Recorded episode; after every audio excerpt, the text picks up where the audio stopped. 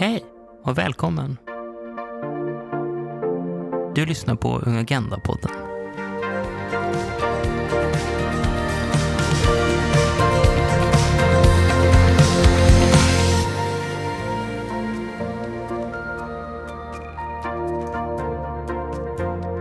Hej och välkomna till ytterligare ett avsnitt av Unga Agenda-podden. Eh, det är LSUs podcast där vi diskuterar lite olika ämnen inom EU och FN eh, med och för unga, eh, fram, framförallt i Sverige. Och i dagens avsnitt så ska vi gå stenhårt in i EUs, några EUs processer.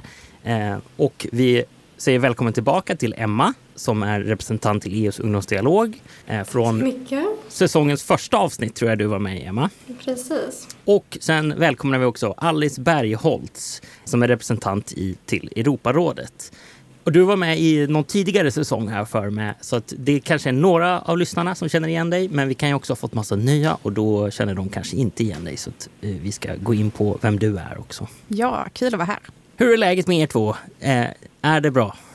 Ja, nej men det är bra med mig. Jag är som man alltid är på våren lite optimistisk med vädret och har dragit på mig en förkylning till följd av det. Ehm, men det, det är en optimism som inte skadar någon annan än mig själv så att jag, jag njuter av våren och är ute så mycket som möjligt. Det är också mycket som händer med uppdraget. Eh, Jag ska till Sverige nästa vecka så det är jag mycket taggad på.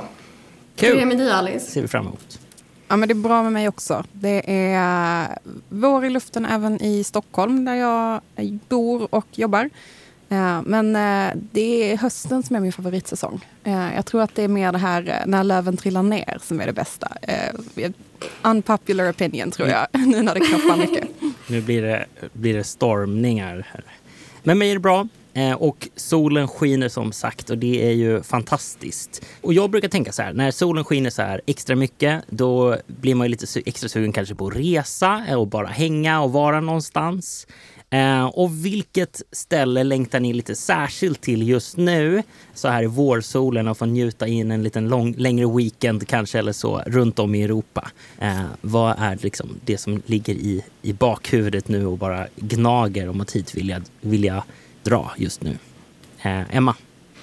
Mm, ja, men det blir en shoutout till Stockholm den här veckan. Jag är faktiskt riktigt taggad. Det var länge sedan. Ehm, och senast jag var i Sverige var under jul och det var väldigt snöigt och eh, regnigt och blött. Eh, så nu är jag taggad på vårvärmen eh, och får bara strosa runt i Stockholm. Det är en av mina absoluta favoritsaker att göra. Härligt. Vi ser fram emot att ha dig här i, i soliga Stockholm nästa vecka. Tack så mycket. Alice? Ja, men, eh, jag längtar till München. Och jag tror att jag sa det förra gången jag var med också i podden. Men München är min absoluta favoritstad i Europa. Det är härligt mycket natur, det är trevliga människor eh, och det är så här, riktigt supertysk kultur. Om man tänker eh, lederhosen och eh, korv och öl och eh, allt därtill. Det känns extra taggat just nu.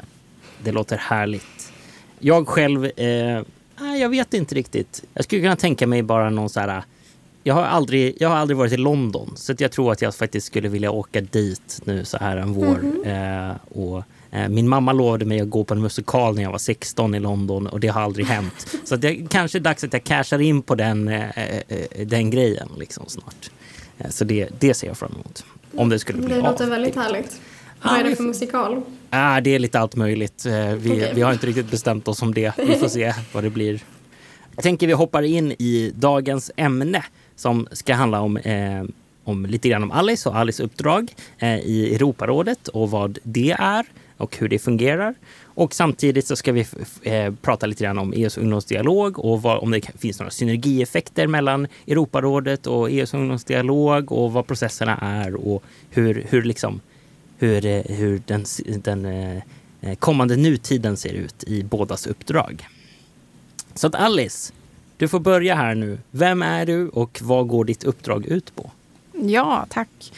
Eh, nej men jag är en 28-årig skånska eh, som har ett riktigt nördigt intresse för policydokument. Eh, skulle man kunna sammanfatta det som. Eh, jag har fått ett förtroende av LSU att sitta i eh, Europarådets kommitté för ungdomsfrågor. Som egentligen skulle man kunna kalla det för ett expertråd på ungdomspolicy. Eh, och vi är rådgivande för ministerkommittén i Europarådet. Så det betyder alla medlemsländer i hela Europarådet. Och ibland så märker jag att kännedomen om vad Europarådet är för någonting inte är superduper hög. Och jag förstår det själv också. Jag skulle säga att det var samma för mig när jag började. Om man tar EU som grund så finns det, Emma, hur många medlemsländer i EU kan du det på rak arm? Det är väl 27, eller? Ja, något i den stilen va? Det tror jag. Eh, och i Europarådet finns det då 47 medlemsländer. Mm en betydligt större institution. Eh, det man gör är att man helt enkelt jobbar med många av de länder som kanske inte skulle kunna kvala in i EU. Eh, och eh, Ja, 47, då får man tänka det var innan Ryssland eh, mm. tvingades lämna på grund av kriget i Ukraina. Så det är ett jättestort eh, fält, många länder och väldigt mycket olika projekt som pågår för unga samtidigt. Så mitt jobb är att eh, egentligen vara lite överallt och eh, stötta upp de eh, stater som önskar hjälp i hur de kan bli ännu bättre på ungdomsdialog. Okej, vad spännande. För jag, du tänkte att det, det, det, man kanske inte riktigt känner till vad Europarådet är. Men det, det fungerar inte på så, på så sätt som att det är val till Europarådet eh, på samma sätt som det är till, till EU eller, eller att man väljer eh, liksom representanter eller eller politiska partier och så, utan det är, här är det mer att folk får ett uppdrag och de är där och, och tycker till. Ja men precis. Man skulle kunna jämföra det med att det är liksom en, som vilken förening som helst, mm. fast de som är medlemmar är länder. Så okay. man skickar eh, riksdagsledamöter till exempel eh, från Sverige, sitter också i Europarådet eh, och stöttar upp. Och det som är det gemensamma fältet, som jag inte nämnde innan, det är de tre eh, värdegrunderna mänskliga rättigheter, demokrati och rättsstatens princip. Så eh, inte jättesmala frågor, men eh, dess så viktiga. Okej. Vad, eh, varför behövs Europarådet då? Vad, vad liksom, eh, är det för att förbereda de, de, eh, de länder som är med i Europarådet som inte kommer in i EU? Eller jobbar ni med andra större frågor? Bereder ni frågor till, till resten av medlemsländerna för att på något sätt uppmuntra flera att gå med? Eh, vad, vad är syftet? Men eh, syftet skulle man kunna säga, alltså det, det, är inte så att EU är liksom långt där borta i någon slags horisont eller något mm. mål, utan eh, EU är verkligen ett handelsavtal först och främst skulle man kunna säga. Medan Europarådet är mer av en samverkande och utbildande institution. Man jobbar jättemycket med eh, utbildningsfrågor i just mänskliga rättigheter, i eh, demokrati, i de här länder som också har styren som inte är superdemokratiska. Hur man kan eh, stötta medborgardialogen och se till att de mänskliga rättigheterna eh, respekteras. Europadomstolen brukar många känna mm, till mm. om man nämner. De finns inom Europarådets struktur. Okay. Men det är också tydligt eh, för mig som, som träffar folk från hela Europa att ifall man reser till ett land utanför EU så betyder Europarådet väldigt, väldigt mycket. Okay. Medan i EU-länderna så är det den första institutionen man tänker på. Hur ser en vanlig dag ut som eh, representant för dig då? Ja, men det är en jättebra fråga. Alltså mitt uppdrag eh, sträcker sig över fyra år eh, och jag gör ju det här på min fritid. Det får man komma ihåg. Eh, så jag tänker att en vanlig dag när jag är eh, aktivt på uppdrag, alltså jag reser till Strasbourg som är fästet, eh, då brukar det vara alltså, riktigt sydeuropeiskt schema där man börjar halv tio, vilket jag tycker är ohyggligt sent. men istället så pågår då förhandlingarna fram till kanske sex, sju på kvällen. Mm. Och där slutar liksom ett formellt program, så det är ganska uppstyrt. Men eh, det som är det absolut viktigaste, det är långa härliga kaffepauser då man kan eh, debattera och försöka lobba för sina frågor så mycket som möjligt. Så eh, jag skulle säga att jag sover inte jättemycket när jag är där. Det blir sena kvällar och tidiga morgnar trots ett eh, ganska uppstyrt schema.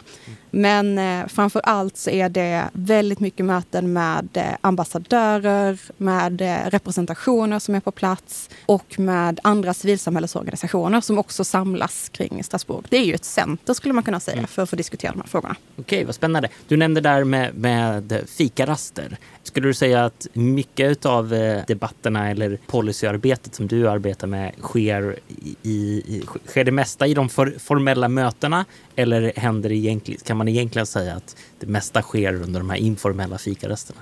Det mesta sker absolut i fikarasten. eh, och det, det, är tydligt, om man fastnar i mötet eh, formellt när man sitter vid bordet så är det den första personen man ska gå till på fikarasten är den som inte håller med. Eh, och det är där man hittar en lösning för att kunna komma vidare. Vad spännande. Mm. Eh, det är så, så man borde jobba. Jag brukar alltid ta med mig lite svenskt godis. Det är ett väldigt bra tips. Ifall det är så att man eh, har någon diskussion med någon och inte kommer överens. Så jag försöker ge lite godis och se ifall eh, den personen ler lite större. Mjuka upp lite grann. Exakt. Hur, hur skiljer sig det här uppdraget som du sitter på eh, gentemot ditt Emma? Och vad finns det så här, finns det några ställen där ni möts naturligt? Eh, eller eller eh, får, ni, får ni hitta, hitta hitta på de här vägarna istället där ni kan samarbeta eller göra, göra, nå samma, samma mål eller samma eh, utveckling? Jo, men den, den största skillnaden eh, mellan våra uppdrag är väl att det är väldigt uppdelat i eh, när olika processer sker på, i uppdraget som då är centrerade till, kring de här tre ungdomskonferenserna som jag och Isak ska delta på. Eh, och just nu befinner vi oss i en konsultationsfas som egentligen eh, är till för att ge oss mandat för att bedriva den politik som Sveriges ungdomar vill att vi ska eh, göra. Och det är också en av anledningarna till att vi ska åka till Stockholm nästa vecka för att vi då ska ha konsultationer med alla eh, LSUs medlemsorganisationer för att samla in åsikter då som sedan sammanställs under ungdomskonferensen i Tjeckien. Så när Alice sa att hon är lite mer överallt så skulle jag nog säga att vi är lite mer uppstyrda. Vi får väldigt, väldigt långa eh, instruktioner omkring vad som ska göras och eh, framförallt inte göras.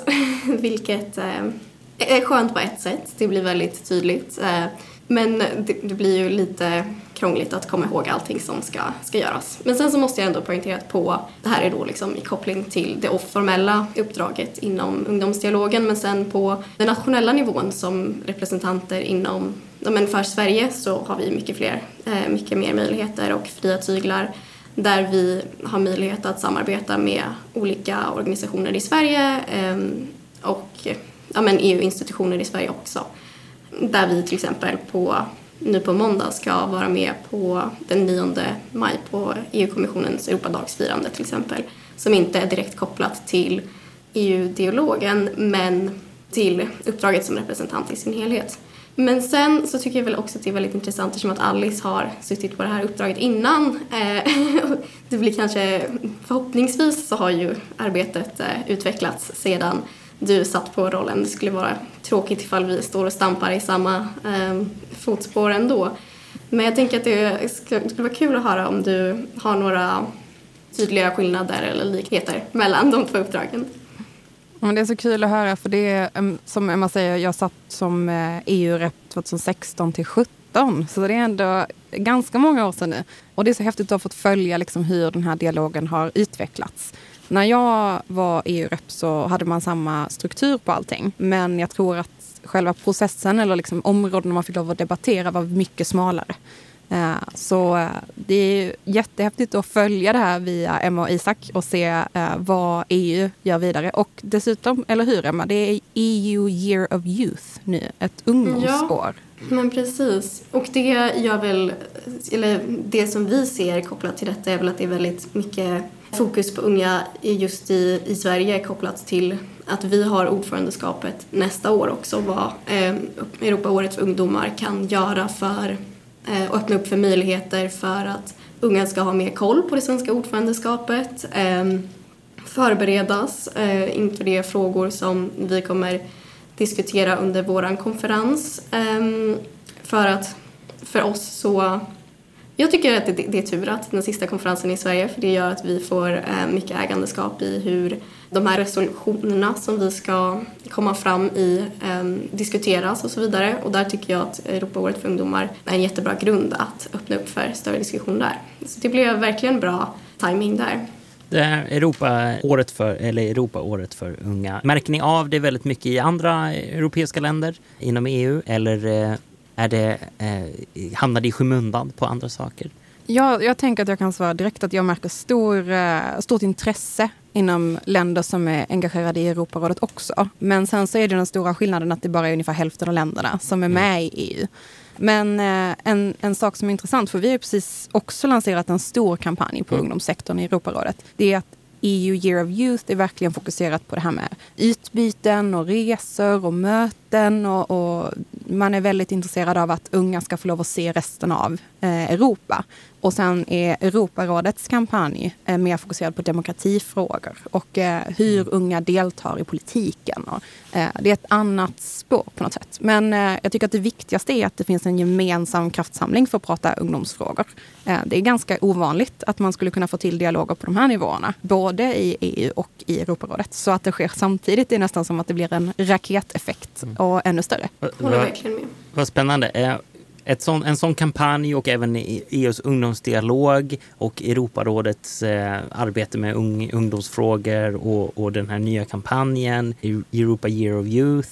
Vad, eh, märker ni ett större intresse bland de som redan är etablerade organisationer eller, eller eh, ja, liksom äldre, tänker jag då. Eh, de, här, eh, de, som, de som kanske sitter på höga positioner och så. Är det de som är mer intresserade av ungdomsfrågor under den här perioden? Eller märker ni, har ni märkt av något större intresse bland, bland unga generellt? Det är en jättebra fråga. Jag, tror, jag kan börja svara så får du fylla i Emma. Eh, mm, se ifall du håller med eller inte.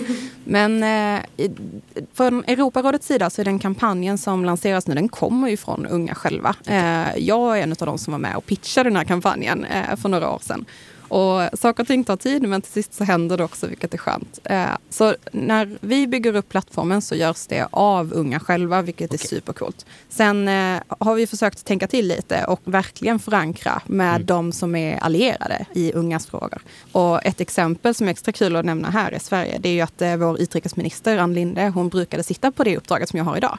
Ah. Så det finns flera sådana kopplingar. Hon reste med mig till Strasbourg förra året för att diskutera ungas inflytande i eh, lagstiftningsprocesser. Och den typen av möten och eh, plattformar, det, det, är inte så jättevanligt att hitta dem. Eh, så det här tror jag verkligen kampanjen kommer hjälpa oss med.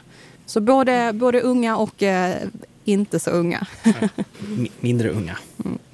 Ja, nej men för, eh, från, från ungas del så eh, så hade det väl varit jättesmidigt om jag svarar på frågan nästa vecka när jag precis suttit i massa möten med LSUs Vi kan spara den till nästa, vi kan ta upp den nästa vecka också.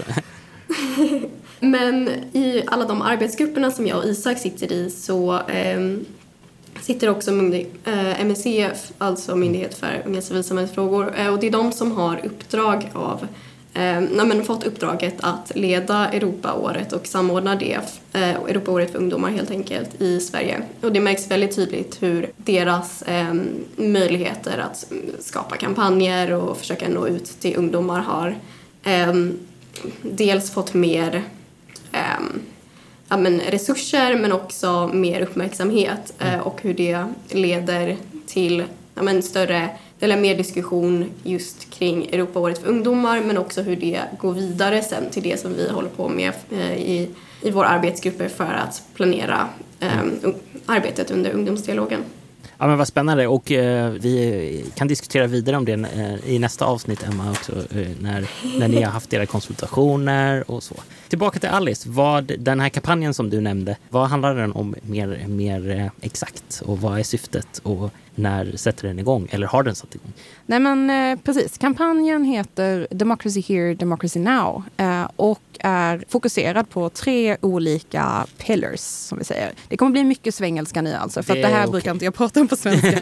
vi har fokusområdena eh, demokrati, ungas delaktighet och digitalisering. Okay. Uh, och det som känns unikt med den här kampanjen jämfört med de man har gjort tidigare, det är att nu fokuserar vi mer på att skapa en plattform dit unga kan ta frågor istället för att komma med ett färdigt budskap. Mm. Så om man tittar på vad som sker i liksom mellanlandet eh, på de här demokrati, eh, ungas delaktighet och digitalisering så finns det massa spännande frågor.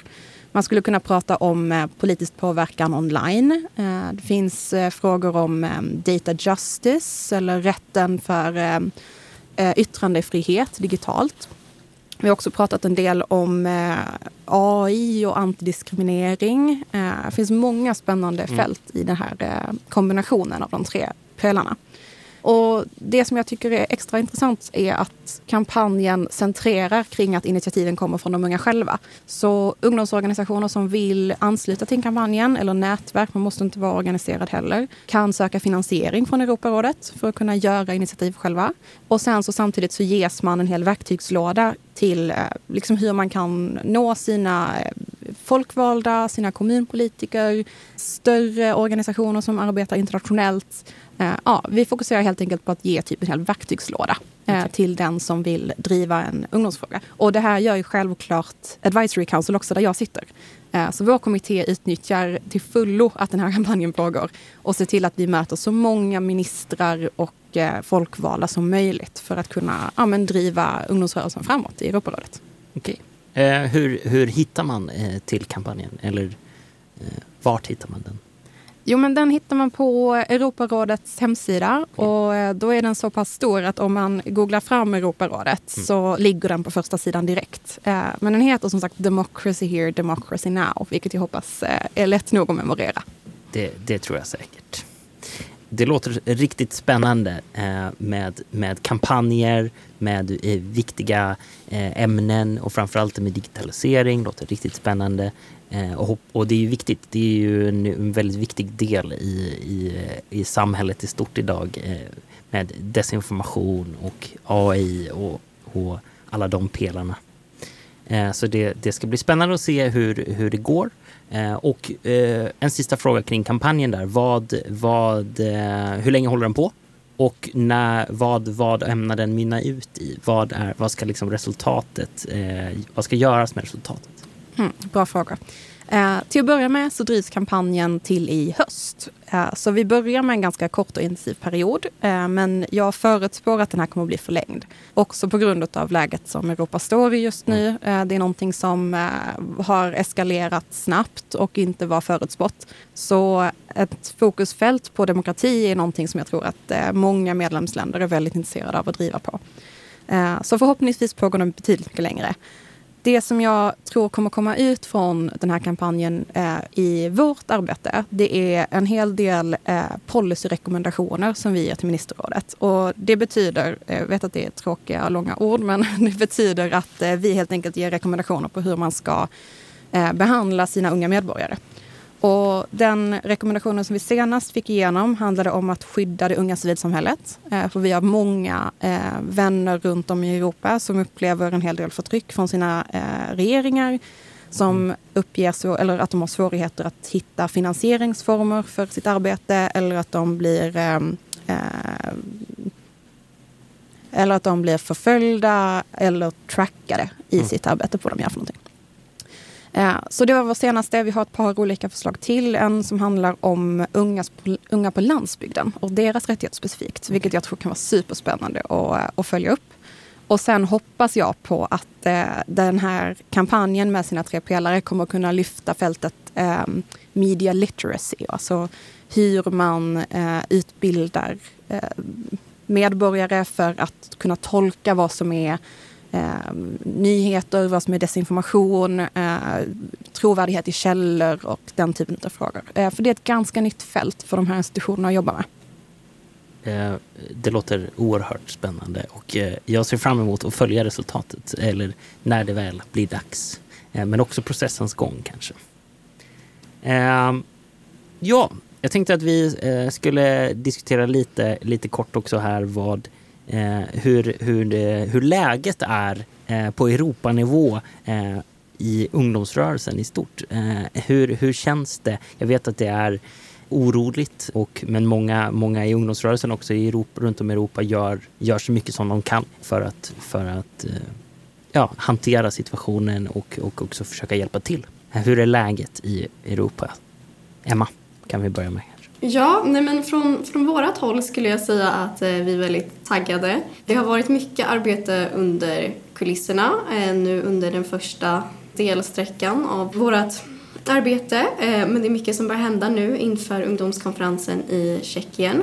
Jag hoppas på mycket nätverkande och verkligen få komma i kontakt med de andra eh, ungdomsrepresentanterna från ungdomsdialogen det var någonting som eh, av förklarliga skäl saknades under den digitala konferensen i Frankrike i januari. Och jag vet att Elsie och Hanna som hade mitt uppdrag innan fick kämpa väldigt hårt för att nätverka digitalt under deras eh, mandatperiod. Men jag är väldigt taggad på det. Precis som Alice diskuterade eller pratade om innan så ser jag fram emot eh, kafferaster och att få, få hänga med andra engagerade ungdomar i Europa under pauser eh, men framförallt också i diskussionerna kring vad eh, som ska tas vidare från konsultationerna in i våra rekommendationer till EU-kommissionen. Utöver det så är det mycket som sker på, på nationell nivå som jag också ser fram emot med, eh, tillsammans med, med Isak här under våren och medverkande i olika forum och evenemang och så vidare. Så att det, det återstår att se och vi ska göra så mycket som möjligt för att eh, delta på alla möjliga platser eh, och inte minst, som jag sa, nätverka med de andra EU-representanterna. Vi har börjat få lite förfrågningar från att eh, ja, men, delta i samtal med andra eh, delegater nu och det känns väldigt roligt. Det börjar hända på, på riktigt nu och eh, vi är förberedda. Vad spännande. Det låter som att eh, uppstartsfasen har, har passerat och nu är det, nu är det, full, eh, fullt ös. Ja, men precis. Mina, de som jag bor med brukar fråga mig, sitter du i ett möte om ett möte om ett möte nu eller var det något som hände på riktigt? Så det ska bli kul att börja säga att nu var det möte på riktigt och ah, hände något. Vad, vad skönt. Alice? Ja, nej, men jag måste eh, hålla med Emma. Min känsla av ungdomsrörelsen nu är att det är otroligt taggat och starkt. Vi är välkoordinerade, har byggt upp mycket kontakter, vilket har varit en jättekonstig konsekvens av pandemin. Mm. Eh, många har fått tvingas ställa om till det här superdigitala, vilket också har gjort att man kanske haft mer eh, koordinering än tidigare.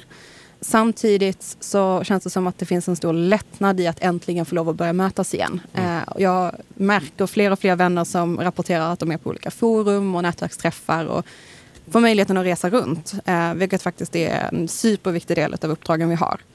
Eh, samtidigt så tror jag att det finns liksom hela tiden en underliggande oro.